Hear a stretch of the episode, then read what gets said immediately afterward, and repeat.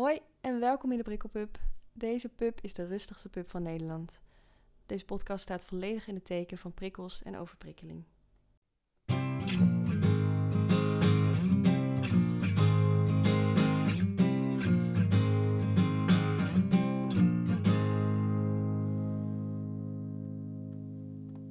Welkom in de Prikkelpub, de rustigste pub van Nederland. Ehm, we zijn weer online eh, met de pub, want eh, ja, nog steeds COVID. Ik heb een superleuke aflevering vandaag eh, voor je klaarstaan, hoop ik. In ieder geval heel leerzaam, voor mij althans wel. ik heb twee hele toffe gasten, twee dit keer en niet eentje. Welkom aan Lisa Jansen, oftewel Big Vegan Sister, en Eline Pollaert. Everything is in flux op Instagram. Hallo. Welkom. Hallo. ja, fijn dat jullie er zijn. Mega bedankt dat je ons uitnodigde. Ik vind het heel interessant om het met jullie te gaan hebben over uh, uh, van alles en nog wat. Volgens mij hebben we veel te veel onderwerpen. Maar uh, hoe, gaat het, hoe gaat het sowieso vandaag met jullie? We hadden volgens mij net geconcludeerd dat ik aardig sloerig in de rakkert wakker was geworden. Mijn nieuwe favoriete Twentse uitdrukking schijnt het te zijn. ja, gaat wel goed. Ik had een lekker rustige opstart gepland en daar is natuurlijk niks van terechtgekomen. Dus we gaan gewoon kijken wat het brengt. Misschien goed voor de luisteraar om te zeggen dat ik Eline ben. Uh, dus als je mijn stem hoort, dan uh, nou, ben ik dat dus. Hallo. yes, en dit is Lisa's stem. Um, ja, ik zit er ook wel oké okay bij. Ik ben een klein beetje moe, maar dat is een beetje mijn default setting, dus ik ben eraan gewend. um, en ik heb hier vooral heel veel zin in. Ik heb heel veel zin om dit gesprek te gaan voeren, dus uh, ik zit er lekker bij op het moment. Super fijn.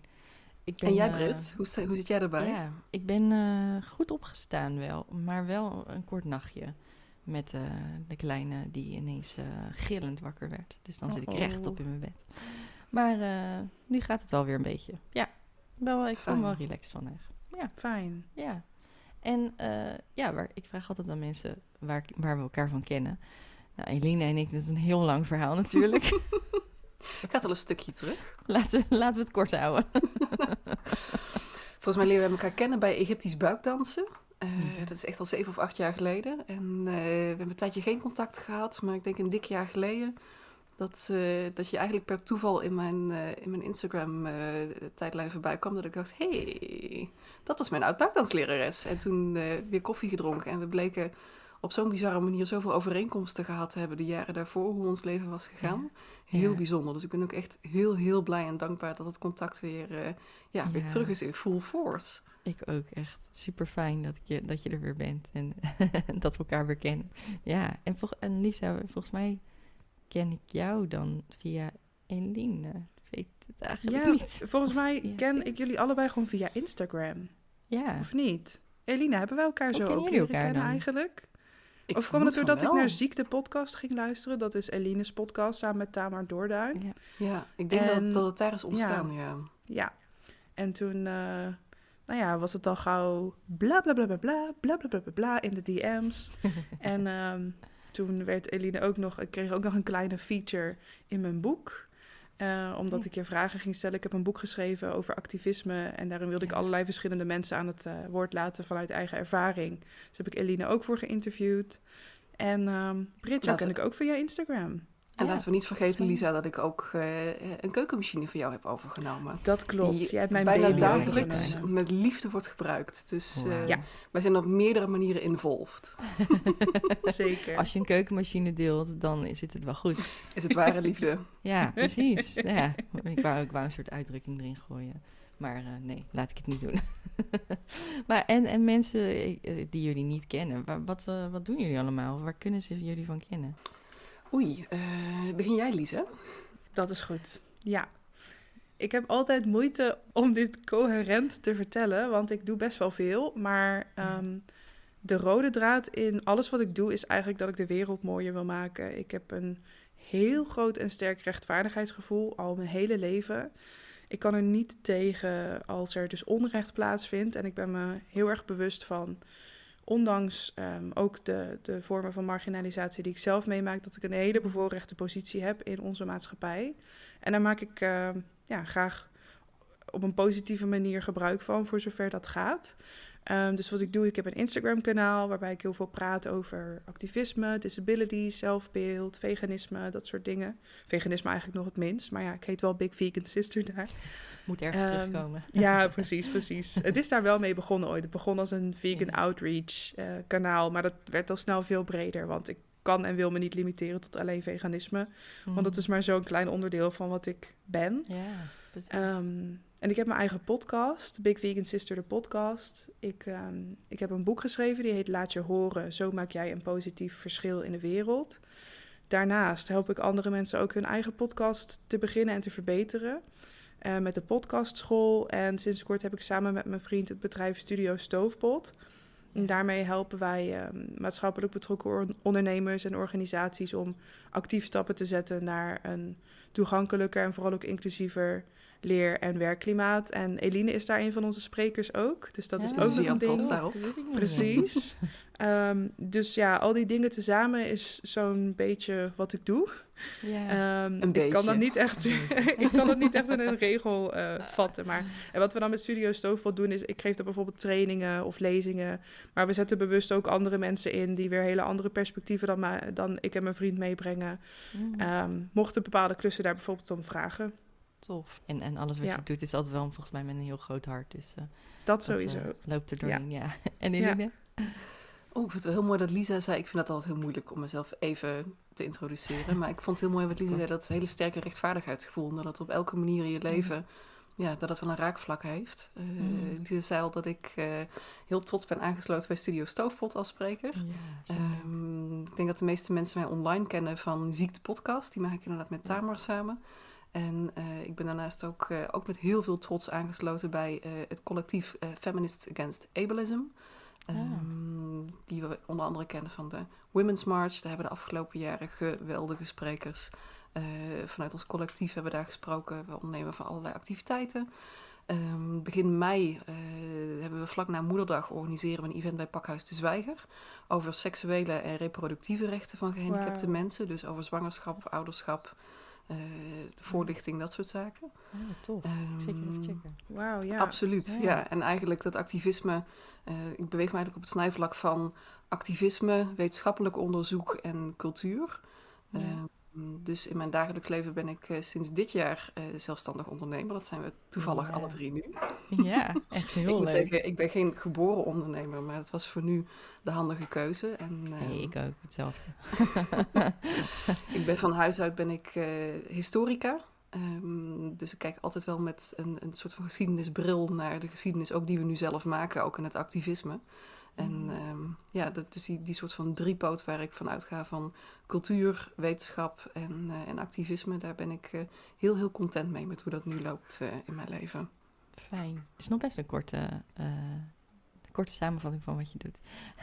en heel de rode draad. Dus ik, ik, ik maak altijd zo'n chaosverhaal van... ja, ik doe dit, dit en dit. Maar jullie hadden alle, allebei zo'n rode draad erdoor. Dus dat, Ja, nou, ik moet dit riedeltje heel vaak afsteken. En ja, ik ben he- heel erg all over the place vaak, omdat mijn hoofd alle kanten op gaat. En ik vergeet ook altijd dingen te zeggen wat ik doe. Ik ben nu ook weer iets vergeten te zeggen wat ik doe. Namelijk dat ik ook veel artikelen schrijf, voor onder Oh andere One World. En dat soort dingen vergeet ik altijd. Maar ik denk, als ik nou die rode draad vasthoud, Ja. dan eh, maakt het sens, zeg maar, Precies. voor de mensen die luisteren. Dan maak je een soort kerstboom ervan waar je Ja, steeds een nieuwe bal Dat is mijn kapstok. Ja. Ja. ja.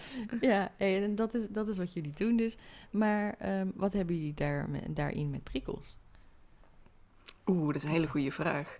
Ik ben eigenlijk, eh, eigenlijk door jou, Brit, ben ik pas een beetje gaan nadenken over, oh, prikkels. Dat is, natuurlijk weet je dat een ding, althans, voor mij was het wel, oh ja, ik weet al wat een prikkel is, denk ik. Mhm.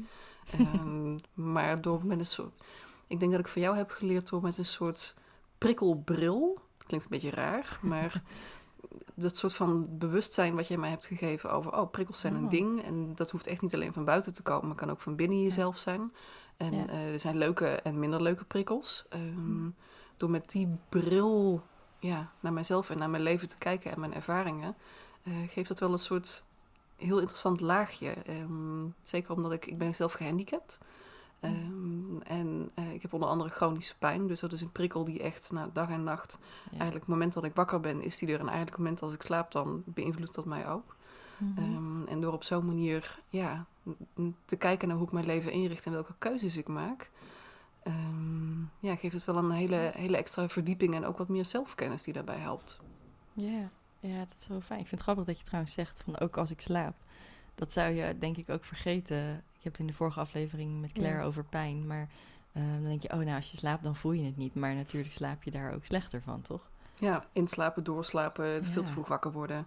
Als je Ja. wakker wordt, dan nog een uur in bed moeten bijkomen van dat je hebt geslapen. Klinkt heel onlogisch, maar... eh, dus dat zijn ook prikkels waar ik, eh, ik... Ik kan niet uit bed springen en de dag beginnen. Ehm, dat is ook een vorm van een prikkel waar ik, eh, ja, waar ik gewoon ruimte voor moet inrichten in mijn leven. Anders eh, komt hij terug om me in mijn kont te bijten.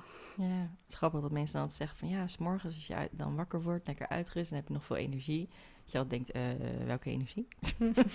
Dat. Ja, en dan ook het Dat. besef, maar dat is heel erg persoonlijk voor mij. Mijn hoofd is dan gelijk aan. Want over Ja. mijn hoofd, eh, ik ben ook naast gehandicapt ook neurodivergent. Ja, Ehm, dus mijn hersens werken anders dan die van de gemiddelde persoon.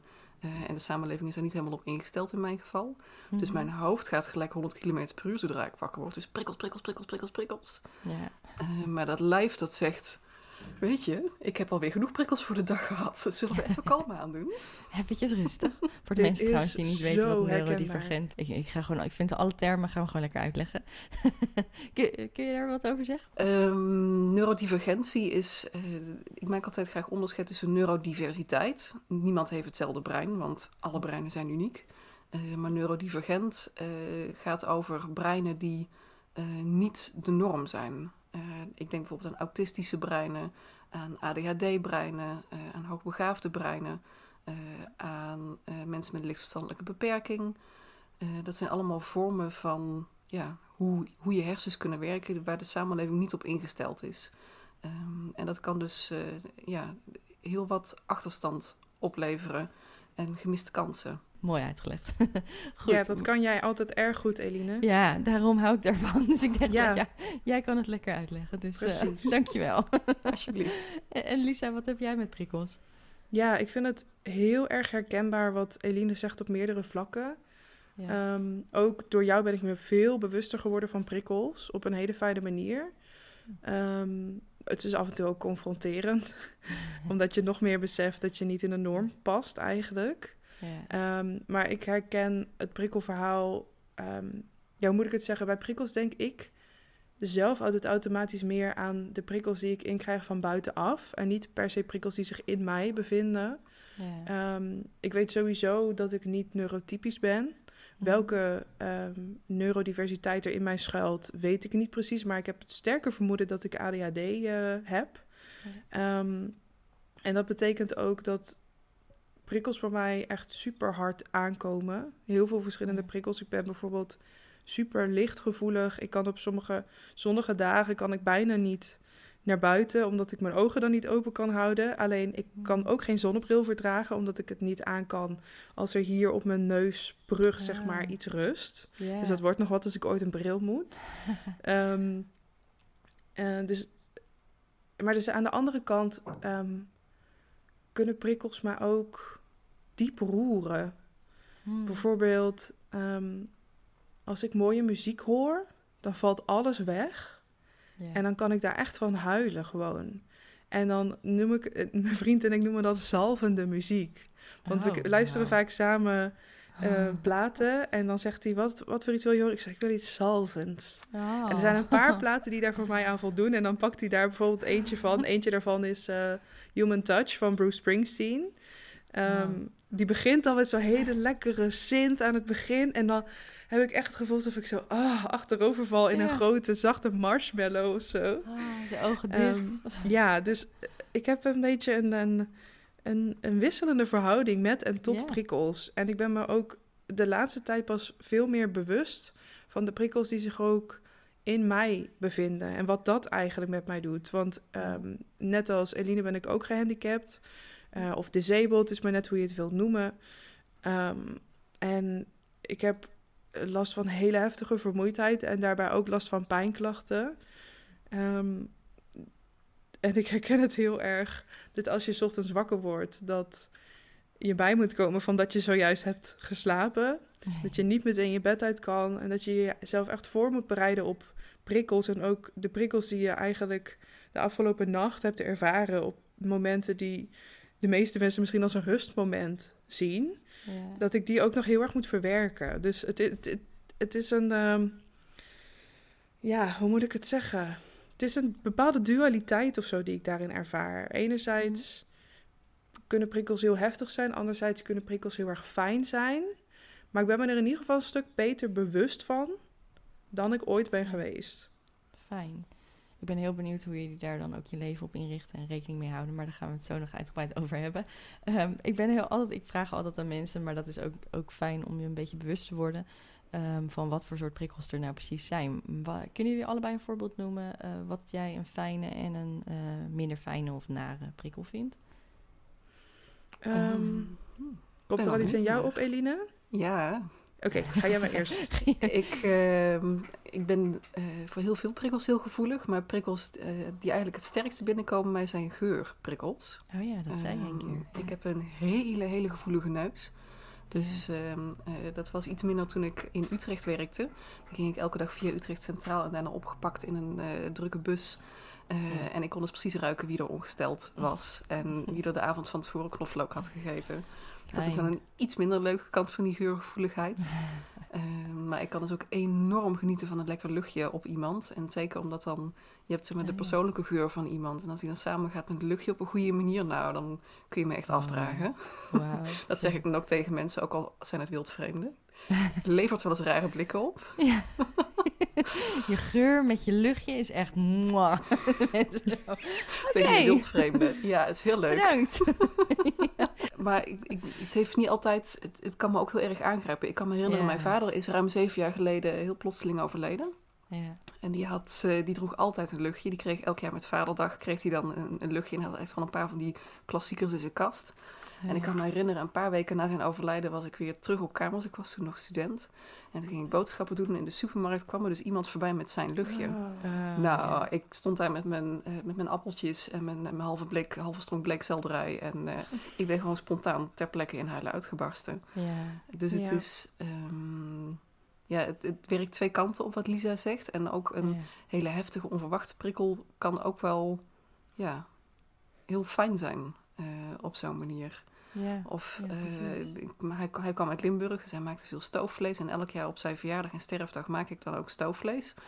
Um, en ik kan me herinneren de allereerste keer dat we dat maakten, uh, mijn partner en ik. En dat hij de lepel uitstak om te vragen, hè, zit er genoeg peper en zout in? En ik nam een hap, gewoon een hap. En het was echt... helemaal binnen. En ik viel gewoon helemaal ja. stil en de tranen begonnen al te lopen voor ik het door had. En dat is zo'n, die herinnering of die, die belevingswereld die aan die ja, ja. smaak is natuurlijk ook voor het grootste deel geur. Um, ja. Wat daarbij loskwam, dat ben ik echt wel heel erg gaan waarderen de laatste jaren. Heb je nog wel dat het je, je hebt het over overvallen van, van die prikkels, zeg maar. Heb je ook wel dat je dingen bewust buiten houdt of niet? Um, ja, geuren zijn lastig buiten te houden, maar ik zoek ze soms wel heel bewust op. Op een moeilijke dag uh, doe ik het luchtje van mijn vader op. Oh ja, uh, fijn. Oh. Ik kan ook heel erg van genieten als ik een drukke dag inga om dan mijn eigen lekkere luchtje op te doen. En dan kan ik af en toe echt even zo, even pauzeren, even, even snuffelen. Ja. en dat, uh, nou, dat, dat, werkt voor mij zalvend, om met Lisa's mooie woorden te spreken. Wauw, wow, ik hou van zalvend. Lisa? ja, het is grappig, want het eerste waar ik ook aan dacht was geur. Alleen ik heb een hele slechte neus. Ik heb echt een hele slechte neus. Als ik de lush binnenloop, moet ik moeite doen om iets te ruiken. Zo. Zo ik, ik kan de lush niet binnenlopen hoor. Nee, precies. Het is echt een aanslag precies. op mijn gestel. Ja. ja. precies. Al van een kilometer koop, afstand ja, dat, Er is nog maar ja. één lush bruisbal die ik koop, omdat ik die tenminste een klein beetje ruik. Maar anders gooi ik het in bad wow. en ik ruik niks. Oh. Um, maar als ik dingen wel ruik, dan komt het echt super hard binnen.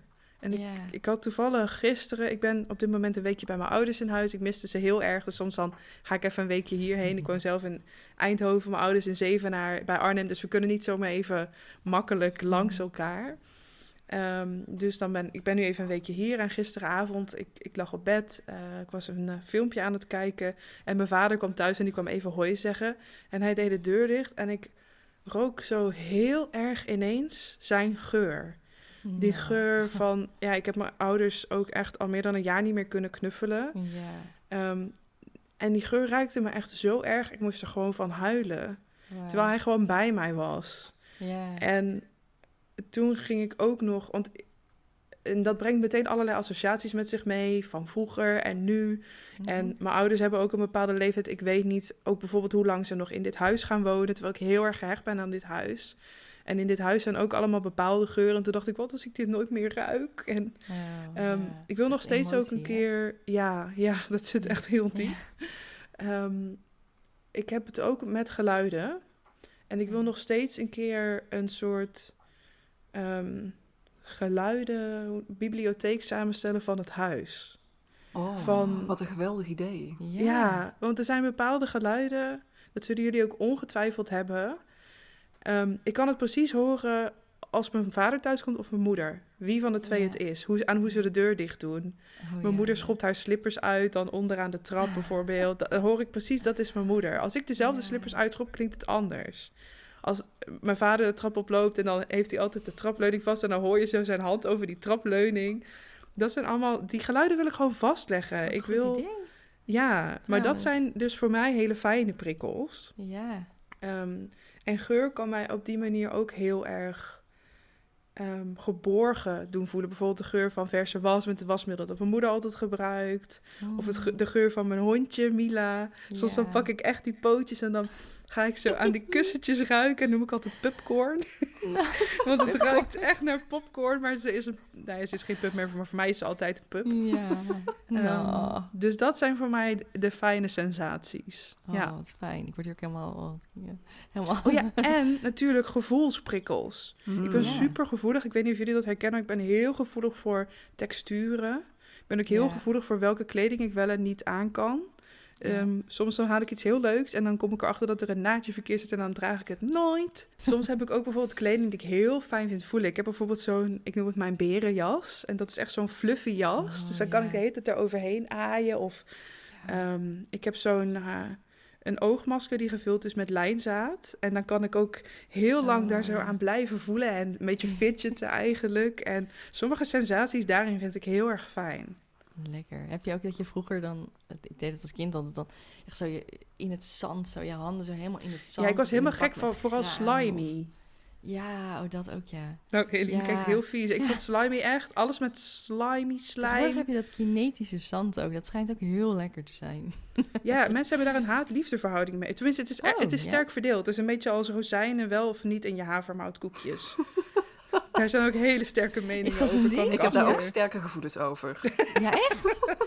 Maar om nog even terug te komen wat Lisa zei over die gevoelsprikkels, dat vind ik wel heel interessant. Want ehm, ik merk eh, deels zodat, ja, zeg maar, ik, ik maak altijd een onderscheid tussen mijn hoofd en mijn lijf. En ik heb het ook altijd Ja. over een soort knip eh, onder mijn kin Mhm. die ik maak. Mhm. Eh, door die chronische pijn heb ik mezelf al sinds heel jong aangeleerd om mijn lichaam zo min mogelijk te voelen. Oh. Mhm. En als je dan altijd chronische pijnprikkels binnenkrijgt, eh, Ja. dan ga je ze ook. eh, enerzijds is dat het enige wat nog doorkomt, maar de rest onderdruk ik ook heel erg. Dus ook eh, hoe ik pijn ervaar en hoe ik het soms ook gewoon niet opmerk. Ja. Ehm, dat doet me ook aan denken wat Lisa zegt. Van, ik, heb, ik draag orthopedische schoenen vanwege mijn handicap. Die worden helemaal op maat gemaakt per voet ja, waar een schoen voor wordt gemaakt. Mijn allereerste paar een paar jaar geleden was te klein gemaakt. Gewoon een volle maat te klein. Ehm, Ik heb het dus gewoon niet gemerkt. En voor mij was het... Op een dag kwam ik thuis, had ik jeuk aan mijn teen.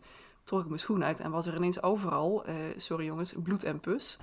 Ehm, en ik heb dus gewoon niks gevoeld. Dus ook een Wow. verstoorde ja, lichaamservaring... ja. Eh, met name pijnervaring. Dat, en ook gewoon niet merken wanneer je honger hebt. eh, of als je pijnstiller neemt, denken: Oh, ik ben ineens een stuk vrolijker. Misschien had ik dat ook nog wel iets in Hoe kan dat doen. nou? Ja. Ja. Dus die, Ja, dat, dat is ook wel iets dat waar, waar Lisa's verhaal ehm me aan doet denken. Dat ik het juist heel bewust probeer af te sluiten. En dat het ook echt een eh, doorlopende zoektocht is. Van hoe kan ik die relatie Hmm. herstellen? Dat niet alleen maar die pijn nog ja, door die knip heen naar boven sijpelt naar mijn hoofd. Maar ook misschien wel fijne sensaties. Want dat, daar heb ik het heel moeilijk mee.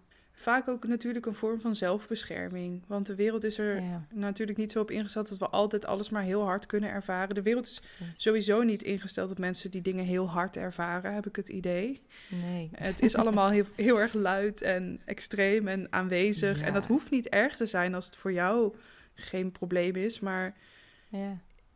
Op de dagen dat ik bijvoorbeeld qua lichaamsenergie wel naar buiten zou kunnen gaan, ga ik soms alsnog niet naar buiten omdat ik de prikkels niet aan kan. Hmm. Precies. En dat Ja. zijn dingen waar ik me eigenlijk dan nu ook pas heel goed bewust van word. Mooi dat je dat Grappig. zegt, want ik heb ooit eens gelezen, kom ik met mijn historica wijsneus. Ehm, volgens mij krijgen wij nu als mens op een gemiddelde dag een miljoen beelden naar ons hoofd geslingerd, gemiddeld Ja. genomen.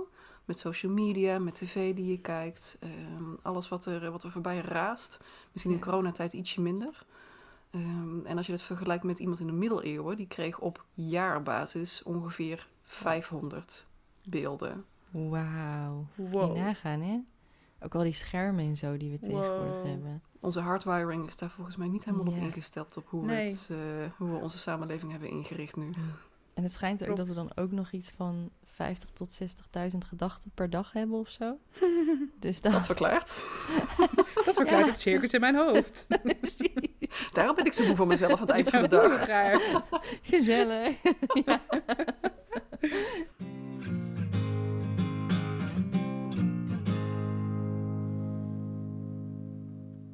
Maar ehm, ja, we hebben, dus, al- we, hebben, we hebben het net al even kort genoemd. Eh, ik zeg vaak, ik heb een chronische ziekte. Ehm, Ja, ik zeg meestal disabled, maar gehandicapt, disabled vind ik allemaal helemaal Precies. prima. ja, precies. Want ehm, ja, willen jullie daar iets over vertellen? Gewoon wat je, wat je daarin ervaart met eh, prikkelgevoeligheid? Ja, voor mij hangt het super sterk samen. En het is ook pas nu sinds ik mezelf onder het kopje disabled schaar, ehm, dat ik de ruimte voel om daar ook op onderzoek in uit te gaan, maar ook mezelf er serieus in te nemen. En. En dan komen we weer bij een term die ik even ga uitleggen. Want dat Mhm. is denk ik een heel duidelijk voorbeeld van geïnternaliseerd validisme. Eh, en validisme is de discriminatie en stigmatisering van personen met een beperking. En het kunnen alle soorten beperkingen zijn. En het kan ook bijvoorbeeld gaan om psychische klachten. Niet alleen bijvoorbeeld om mensen die gebruik maken van een rolstoel.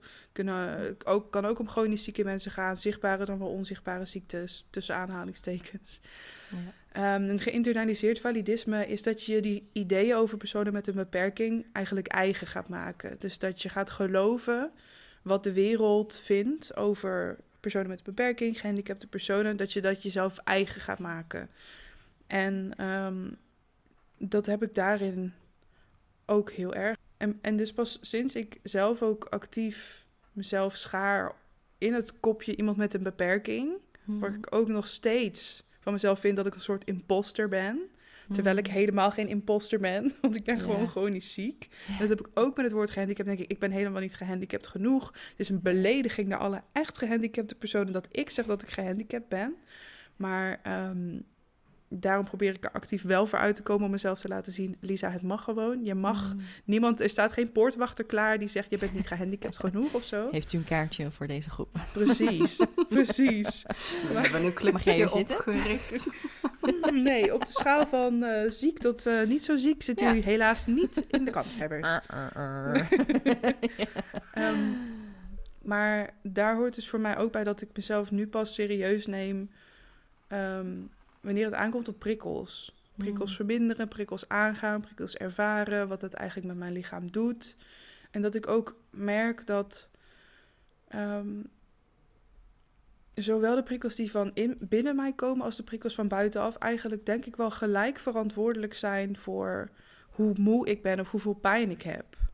Ja. Ehm, maar ik vind het nog steeds moeilijk om dat te onderzoeken, omdat het ook zo confronterend is. ja, heel hè? Ja. En het, het ehm, drukt je ook nog eens dan heel erg op de feiten van, in mijn geval, wat ik eerder wel allemaal kon en ah, kon verdragen en alle prikkels die ik tot me kon nemen. Mhm. En ehm, hoe ik dat nu niet meer kan. Hmm. Ik ben altijd heel erg prikkelgevoelig geweest. Ehm, mijn hele leven lang al.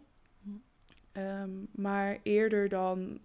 Stel, ik was een, eh, met vrienden op uit geweest... dan had ik dan gewoon een avond voor mezelf nodig... en dan was ik weer een beetje opgeladen, zeg maar. Ja. Nu heb ik een week voor mezelf nodig om op te Ja. laden. En dat betekent dan niet dat ik eh, knus onder mijn dekentje lekker ga zitten Netflixen met popcorn op schoot. Maar dat betekent dat ik zo extreem moe ben dat ik de eerste dag alleen maar kan liggen. Dat ik liggend moet eten, dat ik niet kan praten omdat ik zo moe ben. Ja. Dus dat soort dingen zijn gewoon, ja, echt mega confronterend. En is dat voor jou al lang zo? Want sinds wanneer ben je gehandicapt, zou je zeggen? Ehm, Dat is misschien denk nu sinds- te zeggen, maar... ja, eh, ik denk een jaar of vijf geleden dat het echt begon. Of misschien inmiddels wel zes jaar geleden, want het is natuurlijk al 2021 en niet 2020. Ja, ik denk een jaar of zes geleden dat het toen steeds meer kwam. Maar ik vind het moeilijk om er echt om het te pinpointen, zeg maar. Want ik heb heel lang in de ontkennende fase gezeten. En dat was ook niet per se bewust, maar meer omdat je natuurlijk heel. Mensen die nog niet zo op die manier ziek zijn geweest, hebben heel erg de instelling van: oh, dat, eh, over een weekje voel ik me wel weer beter. Of ik ga naar de dokter en die heeft dan een medicijn en dan word ik beter. Of er is wel een behandeling voor. Maar als, ja, als, zeg maar, ik, ik deel de diagnose die ik heb, deel ik niet. Mhm. Maar ik kan er wel over zeggen dat het zeg maar een diagnose is die je krijgt als ze gewoon niet weten wat er met je is. Ja. Dus Containerbegrip. ja, Weet je het niet? dat. Ja. dat. Op meerdere Dus, manieren eh, een containerbegrip. Ja, letterlijk Fresh. dat. hey, om eh, niet op Britterstoel te gaan zitten als, eh als natuurlijk de echte host. Maar Lisa, waar ik heel benieuwd naar ben. eh, hoe ervaar jij dan ehm, die prikkels en gehandicapt zijn nu in coronatijd? Ja, mooie vraag. Ehm, heel dubbel. Ik merk dat ik nog prikkelgevoeliger ben geworden dan ik al was. Of misschien dat ik het nu pas echt onder ogen durf te zien. Ik weet niet, dat zal misschien samen opgaan. Ehm, en ik ben heel erg bang geworden voor de wereld als die weer open gaat. Ik, Ja. eh, dat is eigenlijk iets waar ik al heel lang mee in mijn hoofd zit. Ik wilde eigenlijk misschien ook een soort panelgesprek nog over gaan doen. Of een podcastopname over met Hm. andere mensen die ehm, ja, ofwel ook heel prikkelgevoelig zijn, ofwel chronisch ziek, of spoonies. Of mocht je niet weten wat dat is, dan moet je even de spoon theory, theory, wow, de, de spoon theory googelen. Ehm, ga ik nu niet helemaal uitleggen. Nee, laten we het ook niet doen. Ja. Ehm, ja, ik merk dat ik naar woorden moet zoeken, omdat de vraag me heel erg raakt, omdat het ook iets is waar ik al, waar ik in mijn hoofd al heel lang mee bezig ben. Want aan de ene kant ben ik super blij dat het vaccin nu steeds dichterbij komt. Ja. Aan de andere kant ben ik doodsbang. Ik ben echt Mhm. doodsbang voor wat mijn lichaam nog kan wanneer de wereld weer op gang komt hier in Nederland. Voor wat andere mensen van mij verwachten. Voor alle prikkels Mm. die ik weer ga krijgen. Voor de extreem drukke wereld die dan weer terug gaat komen. En nu is de wereld ook druk. Maar gek genoeg is die beter ingericht op mij dan ooit. Ja. Ehm, en dat klinkt misschien heel lullig of heel. Ja, ik kan het bijna niet omschrijven, maar gewoon het feit dat mensen nu niet de hele tijd van mij verwachten dat ik naar locatie toe kom, ja. is al zo fijn dat ik gewoon kan zeggen nee, want corona. In plaats van dat ik moet zeggen nee, want ik ben disabled en dit Ja. en dat. En dan, ja, maar kan je dan niet gewoon één keer komen? Nee, want. En dan voel ik me weer schuldig. En Ja. Ehm, en dat er ook weinig mensen bij mij langs kunnen komen. Er wordt Ja. gewoon zoveel minder van mij op dat gebied verwacht. Ehm, en aan de andere kant ben ik ook daardoor best wel veel kwijtgeraakt. Het beetje, de beetje conditie wat ik nog had, is compleet weg. Mijn Mm. pijn is veel erger geworden. Mijn vermoeidheid is veel erger geworden. Ehm, het is raar hoe dat hand in hand kan gaan. Hoe is dat voor jullie? Ik herken heel erg wat je zegt. Een, eh, een prikkel die voor mij heel erg is weggevallen in deze tijd, is ehm, eh, ja, de blik van niet-gehandicapte mensen. Als ik op Mm, straat ga, dan, eh, als je niet weet waar je moet kijken, zie je op zich niet zoveel aan mij. Want mijn steunkousen zie je niet, mijn orthopedische schoenen vallen niet zoveel op. Die pijnstil, dat zie je niet met een soort x-ray zo om mijn buik rondzweven. Ehm, maar als ik buiten ben, zeker op werk of als ik langere stukken moet reizen, dan gebruik ik een stok. Ehm, Ik ben nog geen dertig en eh, dat is niet iemand die je vaak ziet met een stok. Mm. Ehm, en wat ik dus absoluut niet mis zijn al die blikken die ik voel prikken in mijn rug. Eh, Of zelfs mensen die op me afstappen en vragen: Wat is er mis met jou? Ehm, dat Echt hoef ik op zich niet terug te vraag. krijgen. Nee. Ja, ik herken dat ook wel. Ik herken wat jullie allebei zeggen. Niks hoeven en geen reistijd, dat vind ik ook echt. Terwijl ik eigenlijk dan vaak te moe was of te veel pijn had. En dan dacht ik, ja, maar het is toch leuk. En nu al die verplichtingen wegvallen, oh, echt heerlijk. En ik ben ook wel een beetje bang voor als dat straks weer, ehm, als de extraverte ehm, gezonde mensen, zeg maar, abled Ja. mensen, als die naar buiten gaan en dan zoiets hebben van, ja, we gaan drie keer zo hard alle prikkels opzoeken en eruit gooien met boomboxen over straat, dat ik dan denk, nee, mijn deur op slot, laat me met rust. Ja, en ik ben ook zo bang dat alle toegankelijkheid die er nu ineens wordt geboden, nu zeg maar alle Ja. non-disabled het ook nodig hebben, dat die straks Ja. in één keer gewoon weer weg is. Ja, Daar ben ik echt heel erg bang voor. Ja. En ik ben ook heel erg bang dat iedereen weer handen wil gaan geven en wil gaan zoenen. Ja, Maar ik heb gewoon voor mezelf besloten, ik denk gewoon dat ik na corona gewoon, ik steek mijn hand wel op, ik zwaai naar je. ja. Kijk, vrienden wil ik echt dolgraag weer een knuffel geven, maar ik heb het altijd al heel naar gevonden om andere mensen handen of zoenen te geven. Oh, ik ook. Ik ben me ook altijd dan heel erg bewust. Dan zit ik vijf minuten van tevoren, is mijn hand niet zweterig. Zit ik weet het af te vegen, denk ik, moet ik een, wel een beetje stevig hand, niet te slap. En, dan gaat diegene ineens drama? voor zoenen. Hoeveel zoenen Ja. geven we dan? Doen we er twee? Doen we er drie? Soms doen mensen ineens één en dan zit ik daar bijna op die mond. Oké, maar ja. dat is verleden tijd. Dat is echt verleden tijd. Goed. Ik denk dat het een heel goed Eline, idee is. jij? Ehm, nou, ik zit nog wel te denken over die vraag die je eerst stelde. Over hoe is jouw relatie tussen gehandicapt zijn en prikkels. En al luisterend naar jullie, ik, ik was alvast een beetje een antwoord aan het formuleren in mijn hoofd. En volgens mij ben ik gewoon mezelf gewoon aan het bullshitten. Dus misschien moet ik dat dan maar gewoon hardop zeggen, want wie weet hebben meer Mhm. mensen dit. Ik dacht namelijk ehm, dat ik de vraag zou gaan beantwoorden als... Het begon met prikkels in mij en toen naar prikkels buiten mij. Voor mij is het, eh, ik heb een aangeboren aandoening. Dus bij mij was als peuter al heel helder dat er iets was. Ehm, en eh, begin twintig eh, begon ik echt, echt last te krijgen. Als tiener had ik ook al wel last, maar kon het nog... Ja, soort van binnen de grenzen van het acceptabele kon ik mezelf wel meepushen. Ehm, maar toen ik op mezelf ging wonen als student en, en begin twintig, toen ging het toch echt wel heel hard. En toen ik mijn eerste grote mensenbaan kreeg, eh, noem ik het maar even heel, heel flauw. Ehm, dit was, ik ben gelijk 40 uur gaan werken, want ik dacht, nou, gewoon proberen hoe dat is. Dat werkte dus niet, zei de voice-over. good idea. ja, gewoon 40 uur werken. Prima. Toen ging ik echt zo, voep, zo rechtstreeks de afgrond in. En ehm, dat ging dus in zo'n mate hard dat ik dus ook echt een, jaar eruit heb gelegen, een half jaar heb gerevalideerd. Eh, een fulltime revalidatie heb ik toen, eh, toen moeten doen. Ehm, en dat was wel een hele heftige check om mezelf te leren kennen en mijn grenzen. En ik heb dus letterlijk opnieuw moeten leren hoe ik mijn huishouden draai. Eh verplicht daar echt alles vanaf minder dan nul opbouwen. Ja. Mm, en ik dacht, oh ja, dat is dan echt wel de, de mezelf, of ik in mijn eigen bubbel en daar de prikkels die daarbij komen kijken, proberen in kaart te brengen. Dat was in 2017 was dit. En ehm, ongeveer tegelijkertijd beland ik ook een beetje in het activisme.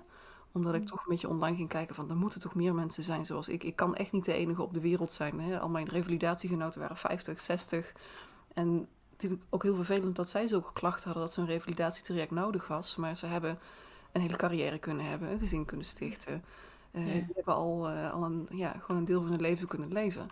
Ja. Ik ben online op zoek gegaan en ehm, daarvoor was ik al wel met feminisme bezig. Maar rond die tijd heb ik ook het disability activisme ontdekt.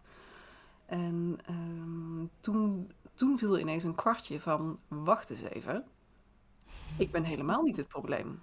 De samenleving is hier het probleem. Het feit dat we hier allerlei normen hebben over een 40-urige werkweek. Dat je daarnaast een Ja. huishouden moet kunnen draaien. Dat je op je dertigste een kind moet hebben. Ehm, Misschien is dat wel het grootste probleem. En niet mijn lijf dat een beetje anders is aangelegd dan de meeste lichamen. Ja. En ehm, dat was dan zeg maar de soort van blik naar buiten. Waarvan ik dacht, oh, dat zijn dus allemaal prikkels uit de buitenwereld. En allemaal normen en ideeën en Ja. vooroordelen waar ik me toe moet verhouden. Toen ben ik dus ook wel echt, nou ja, onherstelbaar activistisch geworden. ja, als mensen het leuk vinden, moeten ze, moeten ze jullie zeker gaan volgen om daar meer over te weten. Ja. Dus ik dacht, om op mijn eigen bullshitting terug te komen, ik dacht dat dat het was. Eh, dat ik eerst begon met Van dat eigen acceptatieproces. En toen dat ik dacht, wacht eens Ah. even, we moeten iets in de buitenwereld gaan klussen.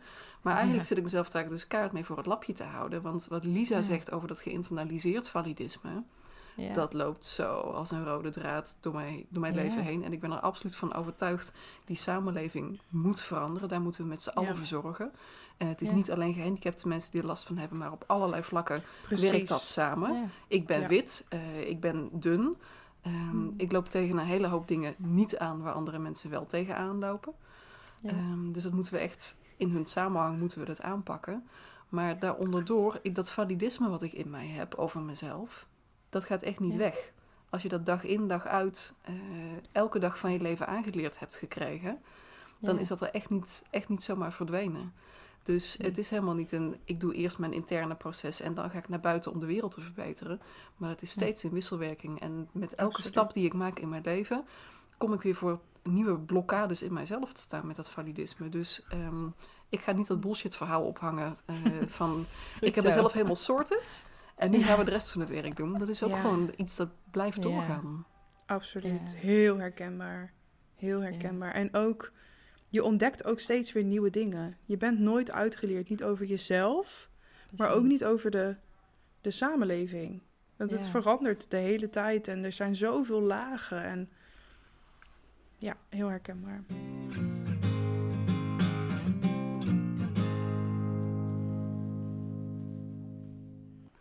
Hoe houden jullie daar balans in?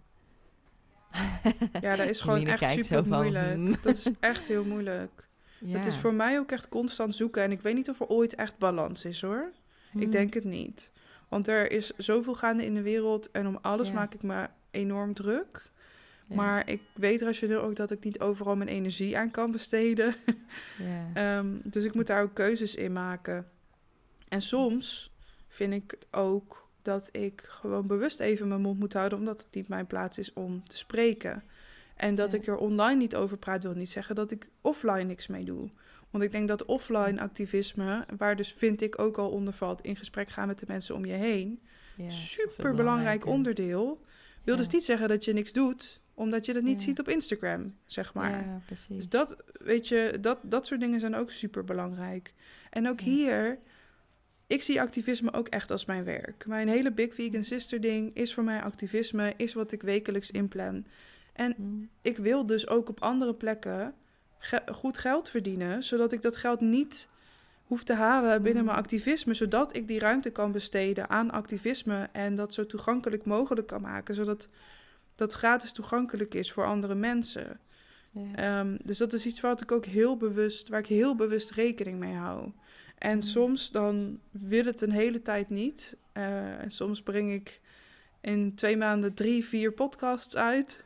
Maar eh, kortom, balans. Wat is balans? Wat is balans? Ja, precies.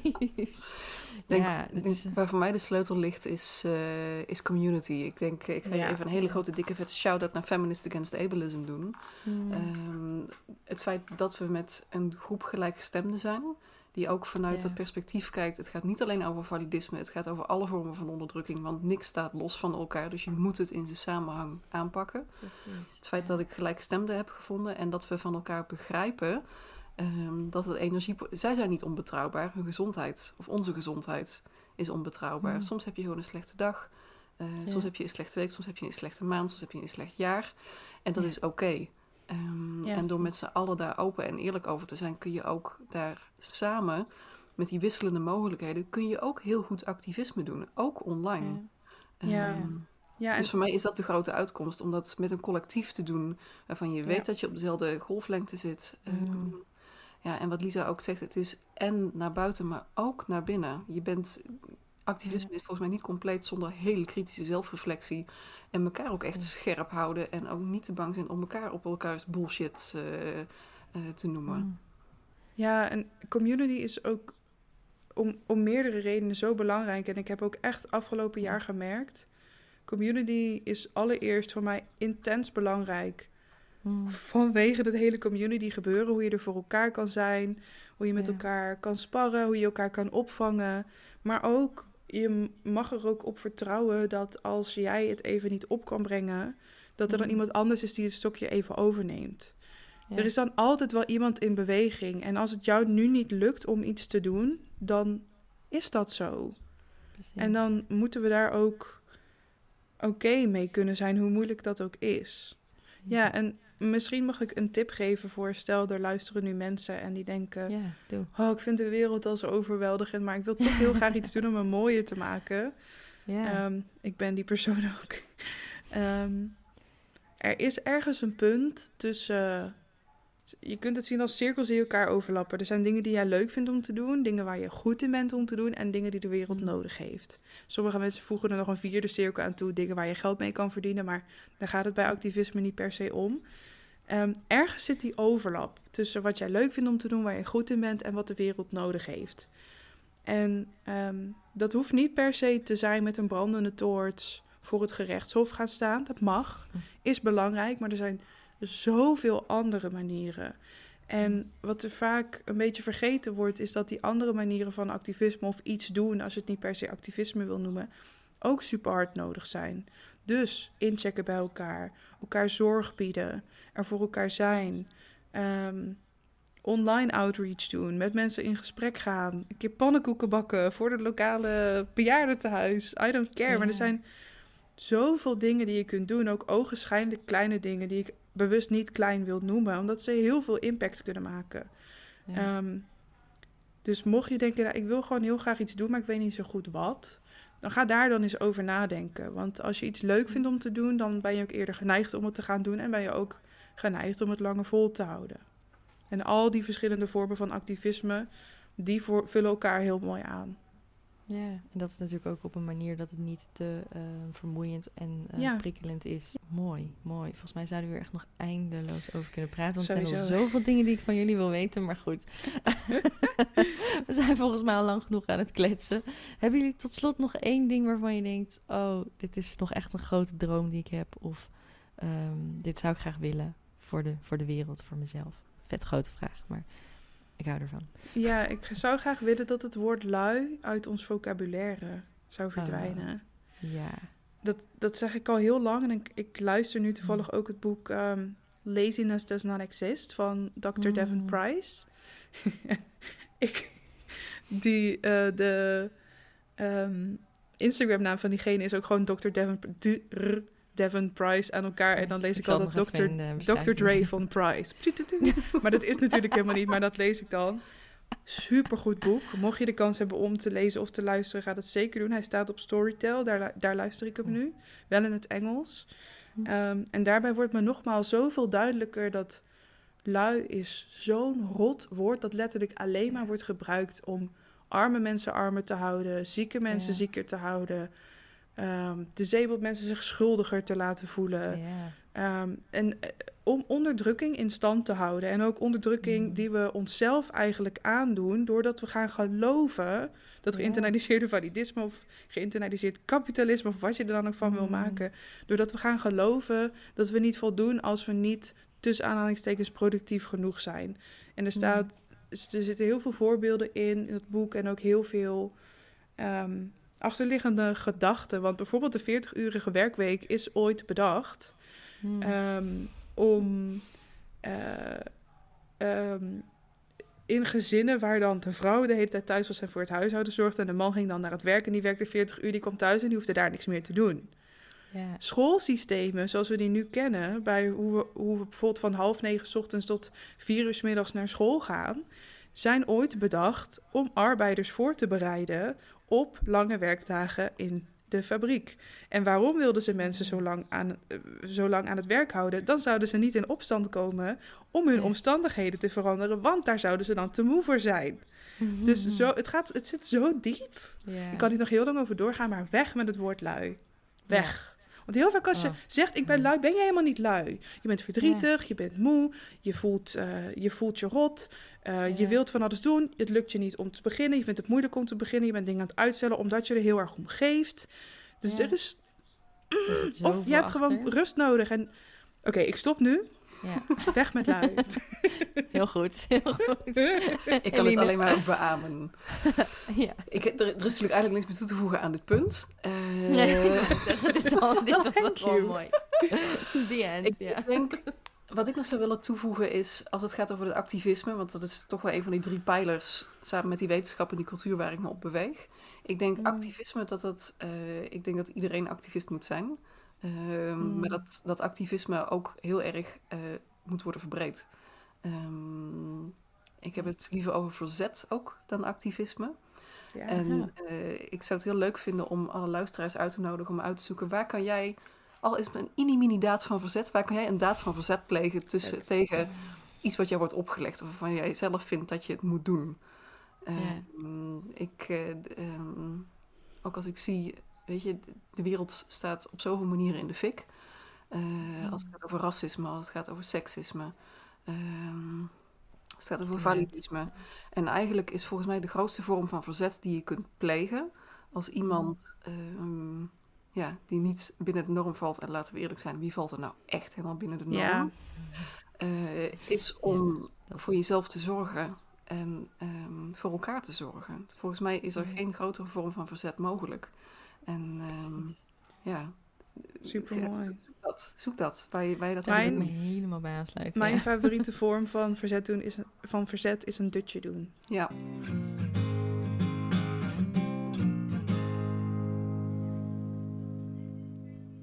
Ja, want als je zelf dan eh, wil gaan kijken van hoe kan ik me nou verzetten. En het klinkt allemaal misschien heel heftig, maar zoals Lisa net zei, kan het al super klein zijn.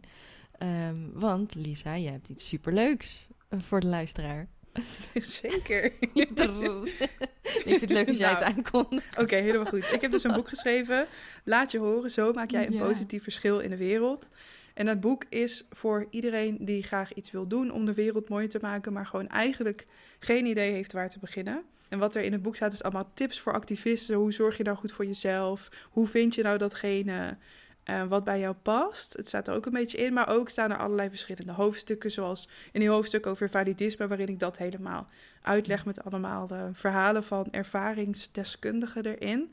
En Brit geeft een boek weg. Ja, Dus je kunt een boek, eh, een boek winnen. Ik ga, ja, ik ga een post plaatsen en ehm, dan kan je daaronder een reactie plaatsen eh, dat jij het boek heel graag wil winnen. En eh, nou, je hoeft nog niet eens te zeggen waarom, maar het, is leuk, het is leuk om te weten. Maar dan kun je daaronder een reactie achterlaten en dan kun je zo'n boek winnen. Ik vind het echt fantastisch. De eerste winactie. Ik was het alweer helemaal vergeten ook. maar superleuk. Echt, echt een must read. Ja. Leuk. Onwijs bedankt. Volgens mij kunnen we nog eeuwen doorgaan. Maar eh, ik wil jullie onwijs, onwijs bedanken dat jullie dingen wilden delen. ehm, over jullie leven en hoe jullie dingen doen en hoe jullie dingen zien. En eh, ehm, ik hoop dat mensen er heel veel aan hebben. Maar eh, dank jullie wel voor dit hele fijne gesprek. Mega bedankt voor de uitnodiging. Lieve, lieve luisteraar, dan wil ik jou tot slot nog eventjes heel erg bedanken voor het luisteren naar deze aflevering. Hopelijk heb je er veel uitgehaald. Ehm, je vindt dingen die we genoemd hebben in de beschrijving van deze aflevering.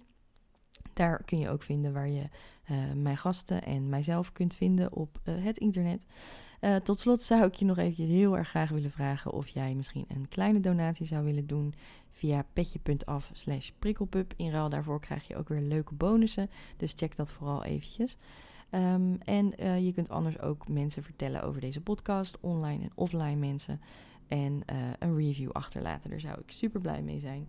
En dan zie ik je hopelijk volgende keer weer in de prikkelpub en drinken we gezellig samen een Guinness.